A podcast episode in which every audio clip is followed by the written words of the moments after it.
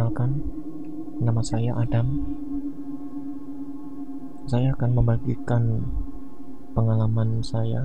Boleh dibilang ini adalah pengalaman mistis saya.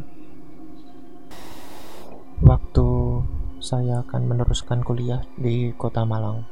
Tepatnya setelah saya lulus SMA dan meneruskan kuliah di Malang. Saya lulus dari SMA yaitu di tahun 2012. Saya dan kedua sahabat saya bersepakat untuk melanjutkan kuliah di kota tersebut. Kedua teman saya ini bernama Kevin dan Gani. Kebetulan mereka juga ingin melanjutkan kuliah di kota Malang. Kami bersama-sama berangkat ke sana ujian bersama dan akhirnya kami dinyatakan semua lulus di seleksi di masing-masing kampus yang diinginkan. Setelah resmi menjadi mahasiswa baru di masing-masing kampus, kami belum mempunyai kos atau kontrakan sebagai tempat tinggal. Sementara kami menumpang pada teman-teman atau kakak kelas SMA dulu yang sudah kuliah di Malang. Saya berinisiatif untuk mencari kontrakan yang bisa kami jadikan sebagai tempat tinggal. Setelah beberapa hari mencari, akhirnya saya menemukan rumah yang dikontrakkan di sebuah perumahan di kota tersebut. Posisi Rumah ini sangat strategis, dekat dengan kampus-kampus di kota Malang. Bisa dikatakan, rumah ini berada di kawasan yang elit. Di situ, kebanyakan bangunannya adalah bangunan dua lantai yang tergolong mewah. Kejanggalan saya rasakan saat saya tahu harga sewa kontrakan rumah ini yang relatif cukup murah. Ya, cukup murah.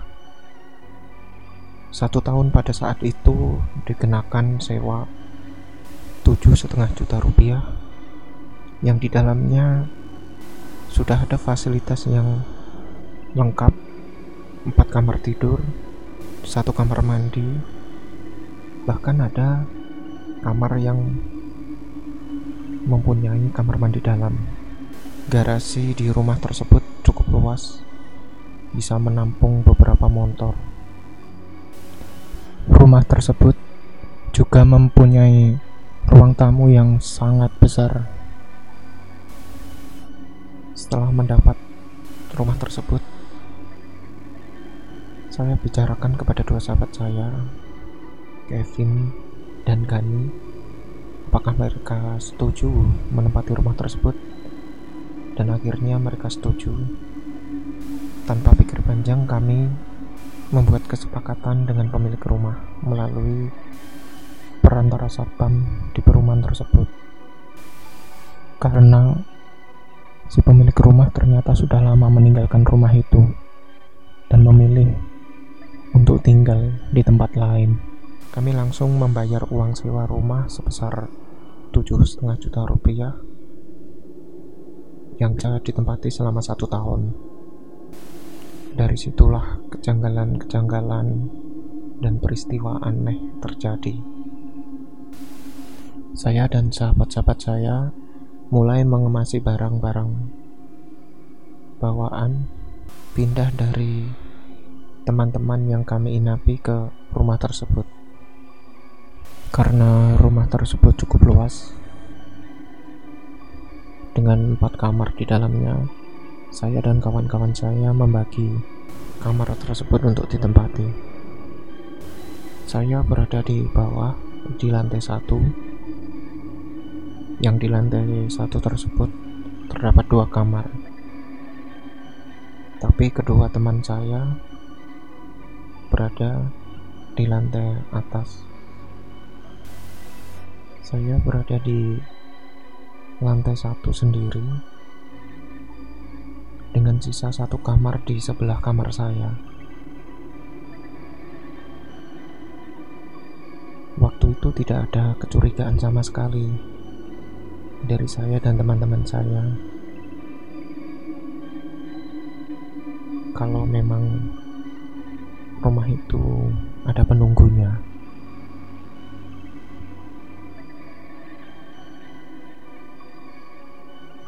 Selang beberapa hari, kami sibuk sendiri-sendiri sebagai mahasiswa baru di kota Malang. Saat pulang kampus pun, kami pulang dengan jam yang berbeda-beda.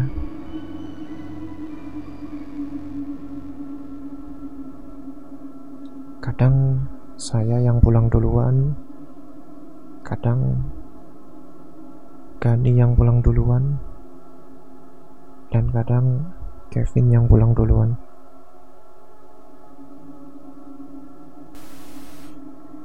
Gangguan mulai terjadi satu minggu kemudian. Waktu itu, kamar yang ada di sebelah kamar saya,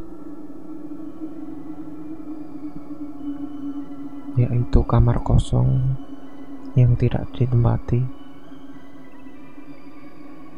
Pintu kamar tersebut membuka dengan sendirinya.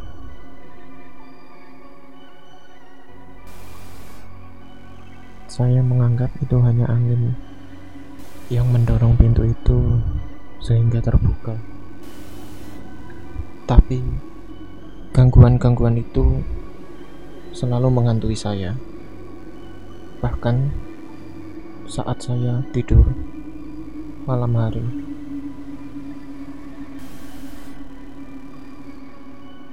Suara-suara yang mengganggu.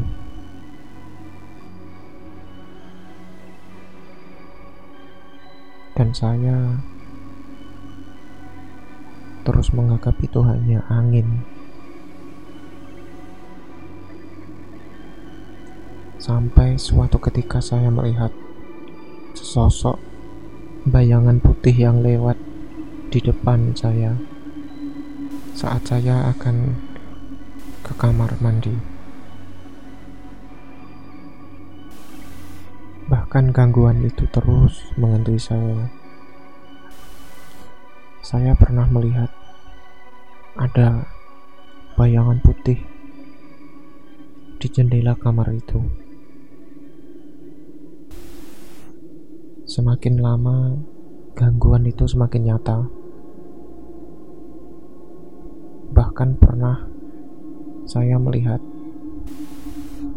ada sesosok lelaki tua yang berada di depan pintu kamar kosong tersebut. Saat saya menceritakan ini kepada kedua sahabat saya, ternyata mereka juga pernah melihat sosok tersebut di depan pintu kamar kosong yang ada di sebelah kamar saya. Teman saya, Gani, pernah diganggu waktu dia pergi ke kamar mandi. Saat di kamar mandi tersebut, Gani mendengarkan suara seorang wanita yang merintih menangis.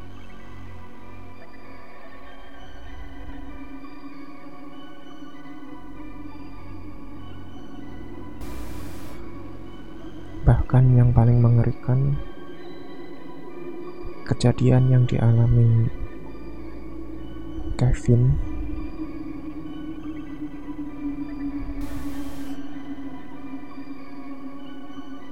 kamar tidur yang ditempati Kevin adalah kamar yang terdapat kamar mandi di dalamnya. Saat dia pulang dari kampus, dia mendengar seperti ada yang sedang mandi di dalam kamar mandi tersebut. Kevin langsung membuka pintunya, tapi tidak ada seorang pun yang ada di dalamnya.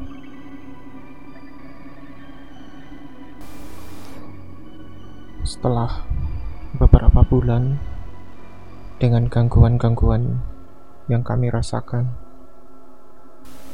kami semakin yakin bahwa di tempat tersebut atau rumah tersebut memang banyak sekali makhluk halus atau penunggunya. Satu bulan setelah kami menempati rumah tersebut, kami memutuskan untuk pindah untuk mencari kontrakan lain. Karena ada suatu kejadian di mana kami bertiga memang benar-benar melihat secara nyata penampakan yang ada di rumah tersebut. Saat itu, kami berada di balkon atas untuk santai dan mengobrol bersama-sama pada malam hari. Secara tiba-tiba, ada seekor burung hantu yang langsung hinggap di pagar balkon tersebut.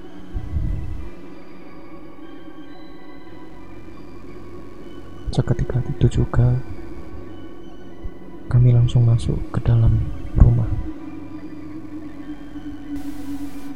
Saat masuk di rumah, pintu kamar kosong yang tadinya terbuka langsung menutup secara tiba-tiba tidak ada satupun dari kami yang berani memeriksa pintu kamar tersebut.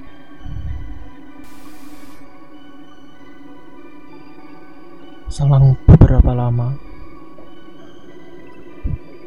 terdengar suara seperti lelaki tua dari dalam kamar kosong tersebut. Pergi, pergi kalian dari sini. Kami semua mendengarkan suara tersebut.